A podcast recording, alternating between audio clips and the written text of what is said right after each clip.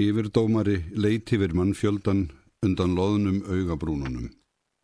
Þeir sem næstir voru þóttust sjá kuldalegan háðsklampi í augunum. En andlitið var engar alvarlegt. Ég byrð menn að taka ekki hart á mér, þó að ég sé hingað komin, mælti hann. Ég hef aldrei komið fram fyrr á neitni skemmtisamkomu. Ég gerir ráð fyrir að mér farist það ekki fimmlega á elli árunum. Hann sagði þetta góðlátlega, menn brostu og hniftu hver í annan þegar hann nefndi skemmtisamkomuna. Genga því vísu að meira skens myndu á eftir fara og hlökkuðu til. Ég samgleðst er á Þorbirnu Ólarsinni af því að hann hefur komið á þessum fundi og fengið trúar og síðgæðismál sapnaðurins rætt hér af svo miklum áhuga og svo mikill í stillingu. Alvöru svipurinn á andlitinu og yfirdómara var mikill. Menn tók að hlæja og komist í gott skap. Sumir klöppuðu, en enginn vildi fara á mis við nokkur dorð. Ég ætla ekki að draga ykkur á því að ég tel það ekki annað en sjálfsagt og eðlilegt að þessi söpnuður reki sér að Þorvald Gunnarsson frá sér hardri hendi. Yfirdómari þagði við nokkur augnablík í því skini að gefa mönnum tóm til þess að njóta undrunarinnar og við hana var engu bætandi. Allir höfðu búist við að hann myndi tala máli pressins. Vinir prests fengu stingi hjartað. Sækirnar voru þá sannar. Og óvinir prests urðu allir að brosi. Sumir lit á Þorbjörn. Þeim þótti það kynlegt að þeim síndi skugga bregða fyrir á andlitin á honum og hann ókýrast í fundastjórastólnum. Ég segi þetta blátt áfram af því að það er sannfæring mín. Ég segi þetta eins fyrir því að ég met sér á Þorvald mest þeirra manna sem ég þekki og að hann er, mér til mikillar ánægu, tilvonandi tengdasónur minn. Ný undrunaralda fórum salin. Ólafur hinn Markfróði hafði náði sæti við hliðin og sigriði. Hvernig getur staðið á því að mér skul ekki hafa verið sagt frá þessu, sagði hann við hana. Hún horði í göpni sér og heyrði ekki hvað hann sagði. Hann gati ekki lengt umræðuna því að yfirdómari helt áfram ræðu sinni og Ólafur hinn Markfróði vildi af engu orði missa fremur en aðrir. Ég ætla ekki að fjölur það um þær sakir um óskýri lífi sem borðnar hafa verið á prestin. Hvort ger það efni svo ánægulegt nýja svo mikill sæmdarauki höfustafnum að orðum sé að því eigðandi um skörfram. Nú ætla ég aðeins að benda á það tvent að þær sakir eru með öllu ósannaðar og að ég mun áður en þessum fundi verður slitið færa svo ríkar sannanir á það sem undir eftir eðli málsins að þær séu með öllu tilhæfulausar. Yfirdómari sagði þetta í kvössum alvöru þrungnum róm, vinum prests og sögur og mörgum vinum Þorbjarnar forvitni, menn klöppuða nýju. Sveipurinn og andliti yfirdómara breytist, hann brosti, en brosi var nokkuð kuldalegt. Hann helt ræðu sinna áfram á þessa leið. Ég ger ekki ráð fyrir því að nokkur muni hugsa sér að halda því fram að þessi domkirkjusöfnuður okkar sé að leita sannleikans. Ég þekki engan svo gaman saman mann. Ég veit ekki hvort nokkur annar söfnuður hér á landi eða annar staðar er að því. En mér þykir það ekki sennilegt. Yfirleitt er það félag sem kennir sig við Krist ekki að því. Það lætur að mestu þá hafa fyrir því sem utan við það félag eru. Kristnin lítur á langmestu leiti svo á sem það sé framar öllu öðru hennar verk að varðveita þær skoðanir sem ofan á hafa orðið og henni koma við og afstýra því að þær breytist lifandi vitund. Og af þeim sem ber eiga fram málefni kristninar, kennimönnunum svonemdu, er í raun og veru ekkert annað heimtað en það, auk almenns velsæmis, að þeir haldi fast við gamlar skoðanir að þeir varist allan nýjan sannleik. Auðvitað hafa skoðanirnar breyst samt. Auðvitað eru þær alltaf að breytast. Áhrifin frá þeim sem ekki þykja hæfir í kristnuðu félagi eða ekki vilja vera þar hafa verið og eru alltaf að koma fram. En í fyrstu eru þau æfinlega talin óguðleg og þeir menn innan kristninar sem fara að leita sannleikans verða í fyrstu anstið flestra manna sem taldir eru vel kristnir. Ég verði að tala um þetta almennt eins og það byrtist okkur í sögu mannkinsins. Nú ætla ég að tala ofurlítið um okkur hérna í Reykjavík. Við eigum ekki að sjálfsögðu óskilið mál við alla aðra og okkur þekki ég best. Hér kennir ímis að grasa eins og þið farið nær rum. Sumur okkar hafa aldrei hugsað neitt á allri sinna æfi. Kort sem hún er orðin laung eða skömm en ganga því vísu að allt sem í þá hefur verið látið sér rétt og að allt sem ekki hefur verið í þá látið sér ránt og ljótt og sinnsamlegt. Sáflokkur er fjölmennur. Þá er annar flokkur en okkar sem gerir sér alls enga rellu út af neinum skoðunum kristnum nýja ókristnum. Þeim stendur hjartanlega og samum það allt saman. Af því að allt sé það jafn vittlaust þetta trúabræða hjál. En á yfirborðinu halda þeir fast við gamlar og löghelgaða skoðanir og venjur. Og um það eru þeir að sjálfsögðu sammála að mennirnir sem eigað predika í kirkjunni og fræða æskulíðin um andleg mál, þeir verða að minnstakost að halda fast við þær skoðanir og þær venjur. Ennfremur eru einhverjir menn og ég gerir mér enga hugmyndum hvort þeir eru nokkuð margir eða mjög fáir, en til eru þeir áraðanlega, einhverjir menn sem er það alvörumál að reyna að fá einhvert botn í þær ráðgátur sem kirkjan er einhverjum að tala um. Þeir taka ekkert gilt að órannsökuðu og ósönnuðu máli krefjast þess að minnstakosti að skinsamleg rauk séu færðað öllu sem mönnum er ætlað að trúa. Sumir hafa fráleitt komist að nefni niðurstöðu, aðrir að álugtunum sem mjög eru frákverfar því sem kirkjan ætlast til. En á yfirborðinu halda þeir líka fast við þær gamlar skoðinni sem þeir hafa alveg horfið frá í huganum.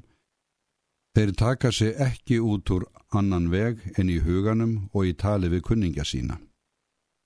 Þeir láta skýra börnin sín og ferma þau alveg eins og aðrir, samkvæmt kenningum sem þeir halda að sé að meira eða minna leiti miskilningur og segja börnunum sínum að vera til alltaris ný fermdum. En hryggjast ekkert þó að svo aðtöfn sé ekki endurtekin, endar það hún sjálfnast. Loks eru sennilega einhverjir hugsandi menn sem eru sammála öllu því sem til er ætlast að haldi sér fram í kirkjunni og við barnaspurningar. Ég hef ekki orðið var við neitt annan en fundarstjóran okkar, en vel getur verið að þeir séu fleiri. Þið vitið hvernig reynd hefur verið að fullnæja trúarþörf þessa fjölbreytilega sapnaðar, að það hefur verið gert með því móti sem eitt er hugsanlegt, að það hefur verið gert með því móti að bóða gömlu kenningarnar sem einar hafa fengið hefð og löggilding, að það hefur verið gert með því móti að þeia sem vandlegast um allan nýjan sannleika og sömuleiðis um allan þann gamlan sannleika sem fyrir viðbörðuna rás hefur lendu utan við venjur og lögildingar. Að það hefur verið gert með því móti að flytja söpniðunum það eitt sem hugsunarleysingjarnir trúa ingöngu fyrir þá sög að ekkert annað hefur verið í þá látið, en mikill meiri hluti hugsandi manna telur að meira eða minna leiti afskræmdan sannleika. Um þetta höfum við sapnast um. Upp á þennan þráð höfum við verið festir. Þið sjáuð úr hverjum þáttum sá þráður er undin. Þið sjáuð mínir elskulegu sapnaðar bræður og systur að annar að þátturinn er vittleisa hugsunarleisis í okkur og að hinn þátturinn er líin í okkur. Þetta er andlega bandið sem hefur haldið okkur saman sem kristnum söfniði, háttvirtum domkirkju söfniðu höfustadarins á Íslandi. Um lagabandið er ég ekki að tala. Þegar nú sá prestur kemur til þessa furðulega sapnaðar sem hefur aflað sér þekkingar nútímans og komist til hlítar inn í hugsanirnar sem nú er að fá vald á síðuðum heimi, svo að hann veit að um mikið af hinnum gömlu kenningum hefur það sannast að þær eru reistar á miskilningi og að aðrar eru með öllu ósam þýðanlegar hugsunalífi nútíðarmanna. Og þegar presturinn er jáframt svo gerður að hann far kvorki af sér að segja annað en það sem hann hyggur vera rétt, nýja heldur að þeia um það sem hann hyggur sig vita og öðrum önnum vera mikil svert að vita, þá er ekkert undarlegt að menn reykja upp stóraugu og kunni því ídla. Hvað er saminlegt honum og slíkum söpniði? Þeir sem ekkert vita, þeir vita samt það að engum þjóðkirkjupresti er ætlað að flytja neitt annað en það sem áður hefur verið kent og ákverju ættu menn að hanga saman ef viki væri frá þeirri reglu. Í fljótu bræði mætti virðast lang eðlilegast að slíkum presti hrindi menn tafarlaust og einróma af höndum sér. Hann er sundrungarafl, hann getur slitið þráðinn, og geri hann það, þá veltum við eins og sundurlausar glerkúlur út um nakið gólf hugsunarleysisins eða hrinnjum ofan í kempukassa okkar eigin líi og vitum ekki okkar rjúkandi ráð. Þetta myndum við líka gera. Við myndum ekki vera að hafa neinar sveiblur á því að losna við slíkan prest. Ef ekki væri svo mikið í okkur sjálfum að því sem í eðlisfræðinni er kallað vis en hjerti. Þessari ásköpuðu tilneying til þess að halda áfram að vera kyrrir ef við erum kyrrir og halda reyfinguna áfram ef við reyfumst. Nú höfum við alltaf verið kyrrir. Nýtt afl þarf til þess að koma okkur af stað og hendugast aflið er vitalega óvildin til einstakra manna.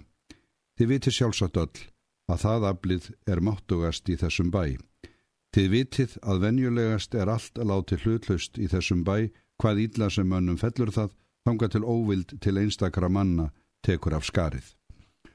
Og ég vona að þið sjáu það líka öll ef þið hugsið ykkur nokkuð um að væri presturinn eitthvað líkur því sem ég hefi gert ráð fyrir, þá myndu honum vera sérstaklega hætt við að mæta óvildinni. Elski hann sannleikan, þá eru allar líkur til þess að hann elski réttlætið og mennina. Hvernig stendur á því að flestum okkar tekst tiltölulega þólanlega að lifa í friði við aðra menn? Er það að því að við elskum svo mikið sannleikan að við þólum ekki að ítla sér með hann farið? Er það að því að við elskum svo mikið réttlætið að við þólum ekki að nokkur maður sé ójöfniði beittur? Er það að því að við elskum svo mikið mennina að við getum ekki lagst það undir höfuð sem í okkar valdi stendur til þess að afstýra því að þeir verði vittlausinu og vonskun eða bráð. Nei, blessaður verið þið. Það er að því að við elskum ekki sannleikan og ekki réttlætið og ekki mennina. Það er að því að við látum allt ílt afskiptalöst og lofum því að magnast eins og því sínist að við þykjum þólandi í þessum bæ. Og svo mun við þar vera. Það kemur ekki þessu máli við. Ég ætla ekki að þreyti ykkur á því að gera frekari grein fyrir þessu Ég ætlas til að þið gerið ykkur það sjálf þegar þið eru komin heim til ykkar og æsingin er farin úr ykkur. Ég þakka ykkur fyrir hvað þið hafi hlustað á mig með mikill stillingu. Ég bjóst ekki við henni framann af þessum fundi. Og nú ætla ég ekki að bæta öðru við en því að það er sannfæning mín að sér að Þorvaldur Gunnarsson elski sannleikan og réttlætið og mennina og að ein af óhjákvæmilegum afleiðingum þess sé svo afleiðingin að þessi söpnuður hristi hann af sér. Gerir hann það ekki í kvöld, þá gerir hann það einhver tíman setna, sennilega áður en langt líður. Vitanlega eru margir með honum í kvöld, þó að mér kom ekki annað til hugar en að þeir séu minni hluti í söfniðinum. Allir þeir sem hafa fyrir einhverja hlutasakir ímegust á margvíslegu braski, herra Þorbjarnar Ólafssonar, eru nú með prestinum. En hvar verða þeir að ári eða eftir tvö ár? Ætli þeir hafi allir átta sig á því nú, hver voða gestur kærleikurinn til sannleikans og réttlætisins og mannana er inn í votryggingar og lífsábyrðarfélag vittlesunar og ósjálfstæðisins og rángleitninnar. Eftir eitt eða tvö ár verða sennilega margir orðnir reyðir sem nú eru óreyðir, svo að atkvæðagreislan í kvöld liggur mér í litlu rúmi. En þó að ég telji það ekki annað en eðlilegt og sjálfsagt að þessi söpnuður reiki sér á Þorvald Gunnarsson þá á mönnunum ekki að haldast það uppi að ófræja hann fyrir siðlausti lífverðni. Nú er hér á fundinum einamanneskjan sem getur um það borið sem þeim fór á milli, prestinum og stúlkunni sem hann hefur verið orðaður við einu nóttina sem um getur verið að tefla. Það er húsmáður sér á Þorvalds frú Guðrún Þorðardóttir. Hún ætlar að bera þess vitni að óhróður sagan um þau er tilhæfulegs og svíverðilegur uppspunni og ég krefst þess að menn hlusta á hana. Yfirdómari fór ofan að pallinum. Hann aðeins fengi fyrirtags og gott hljóð. Menn voru svo óvanir því að heyra hann tala og hann var svo aldraður og svo mikils metin maður og í svo virðurlegri stöðu og hann talaði svo skýrt og af svo mikil alvöru og samt eitthvað svo skringilega og efniði ræðunni var svo ólíkt því sem menn höfðu átt von á og menn voru svo óumræðinlega hissa á öllu sem hann hafði sagt. Allt þetta allir því að menn hlustuð á hann hljóðir. Fóringjunum í liðu Þorbjarnar hafði ekki getist að þessari þögn, en þeir töldu ekki ráðlegt að vekja enn æsing meðan hann var að tala. En hitt var þeim ljóst að óhendugt myndi vera að fundurinn hlustaði með jafnmikilli stillingu á vittnisspurð konunar og að hættulítið myndi vera að afstýra honum. Sannfæringin um það hvað nú skildi til bræðs taka styrtist við það að yfirdómara var klappað þjettingslofi lofa um allan salin þó að margir gengjur skaftinu. Áskrimur Bjarnason skundaði upp á ræðupallin. Ég ætla ekki að fara að mótmæla ræðu yfirdómara einu orði. Ég býst ekki við því að menn ætlist til þess að við förum að ræða það á þessum fundi hvort domkirkjusöfnöðurinn sé eingöngu skipaður hugsunarlausum vittlýsingum og legurum eins og hann gaf fyllilega í skinn. Líklega samt að undanskildum tilvonandi tengdaföður domkirkjupressins. Heyr, heyr. Og nú var tekið að klappa af miklu kappi. Eins og til þess að hrista af sér eitthvert farg. En því mótmæli ég algerlega, saði áskrimur, þegar hann fekk hljóð aftur að hér verði farið að leiða nokkur dvittni. Það er með öllu óþart, þar sem engar sækir hafa verið á prestin borðnar á þessum fundi og það er líka alveg gagslöst. Fundurinn hefur enga ástæðu til þess að trúa þessu eina vittni. Þeir menn sem kunnugir eru þessu máli hafa fullkomlega ástæðu til þess að spyrja. Hefur ekki frúni verið borganitt fyrir að segja það sem hún ætlar að segja? Eða öllu heldur? Hvað hefur frúni verið borgað mikið fyrir að segja það sem hún ættar að segja? Ég skora á fundarstjóra að sjá um að fundurinn sé ekki tafinn í slíkri endileysu. Og verð ekki fundarstjóri við þeim tilmælum, þá skora ég á fundin að láta ekki misbjóða sér með neinu ástæðalösu stagli. Nú hófust æslina nýju. Með jafn miklu magni og þegar vest hafði látið áður. Lóvaklapp, fótastapp, öskur og pípublástur. Hvað var henni borgað? Hvað var henni borgað? Þetta er skömm og svíverðing við saklausan mann. Þetta er anstiðar atferðli við saklausa konu. En engin orð bárust lengra en til þeirra sem næstir voru. Þú ert vittlisingur eða legari eins og við hinnir kunningi og þú hefur alla þína hundstíð verið kvortveggja lagsi. Og riskingar tóka hefjast hér og þar um salin. Þorbjörn horfi á aðfarirnar rólegur og brosandi Þegar æslind vínuðu sagði hann Ég veit að það er ekki til neins að þessi kona fara að bera vittni hér. Fundurinn hlustar ekki á hana og mér finnst að nú ættum við að geta gengið til atkvæða. Því var tekið með lóaklappi og um allan salin var rópað atkvæði, atkvæði og atkvæðin voru greitt. Og tillaga áskrims Bjarnarssonar var samþygt með miklu meiri hluta. Sér að Þorvaldur fór heimi yfir dómarahúsið að loknum fundi með þeim hjónum og ragnindi. Þau settust öllin í stofu, maðgurnar settust í legubekkin og frúin tók utanum báðar hendur dóttur sinnar, öll voru þau hljóð og hugsi. Yfirdómari horði í göfnir sér. Eftir nokkra stund sagði hann, Jæja, þessar urðu þá málaliktir, prestur minn. Sér að Þorvaldur leitt upp. Nei, þetta er byrjunin, svaraði hann. Jæja, ég veit ekki hvernig þið viljið orða það. Hinga til hefur það nú að öllum jafnaði verið nákvæmlega það sama hérna hjá okkur Íslendingum, sæði yfirdómari brosandi. Ragnhildur leita á unnustasinn, hún sá sama svipin sem hún hafði svo oft haft beig af áður. Hún let aftur augun og henni fannst hún sjáinn í laung og þraung og dimm, göng, örðuleik og ofsokna og henni fannst hún vera að verða myrkvælin.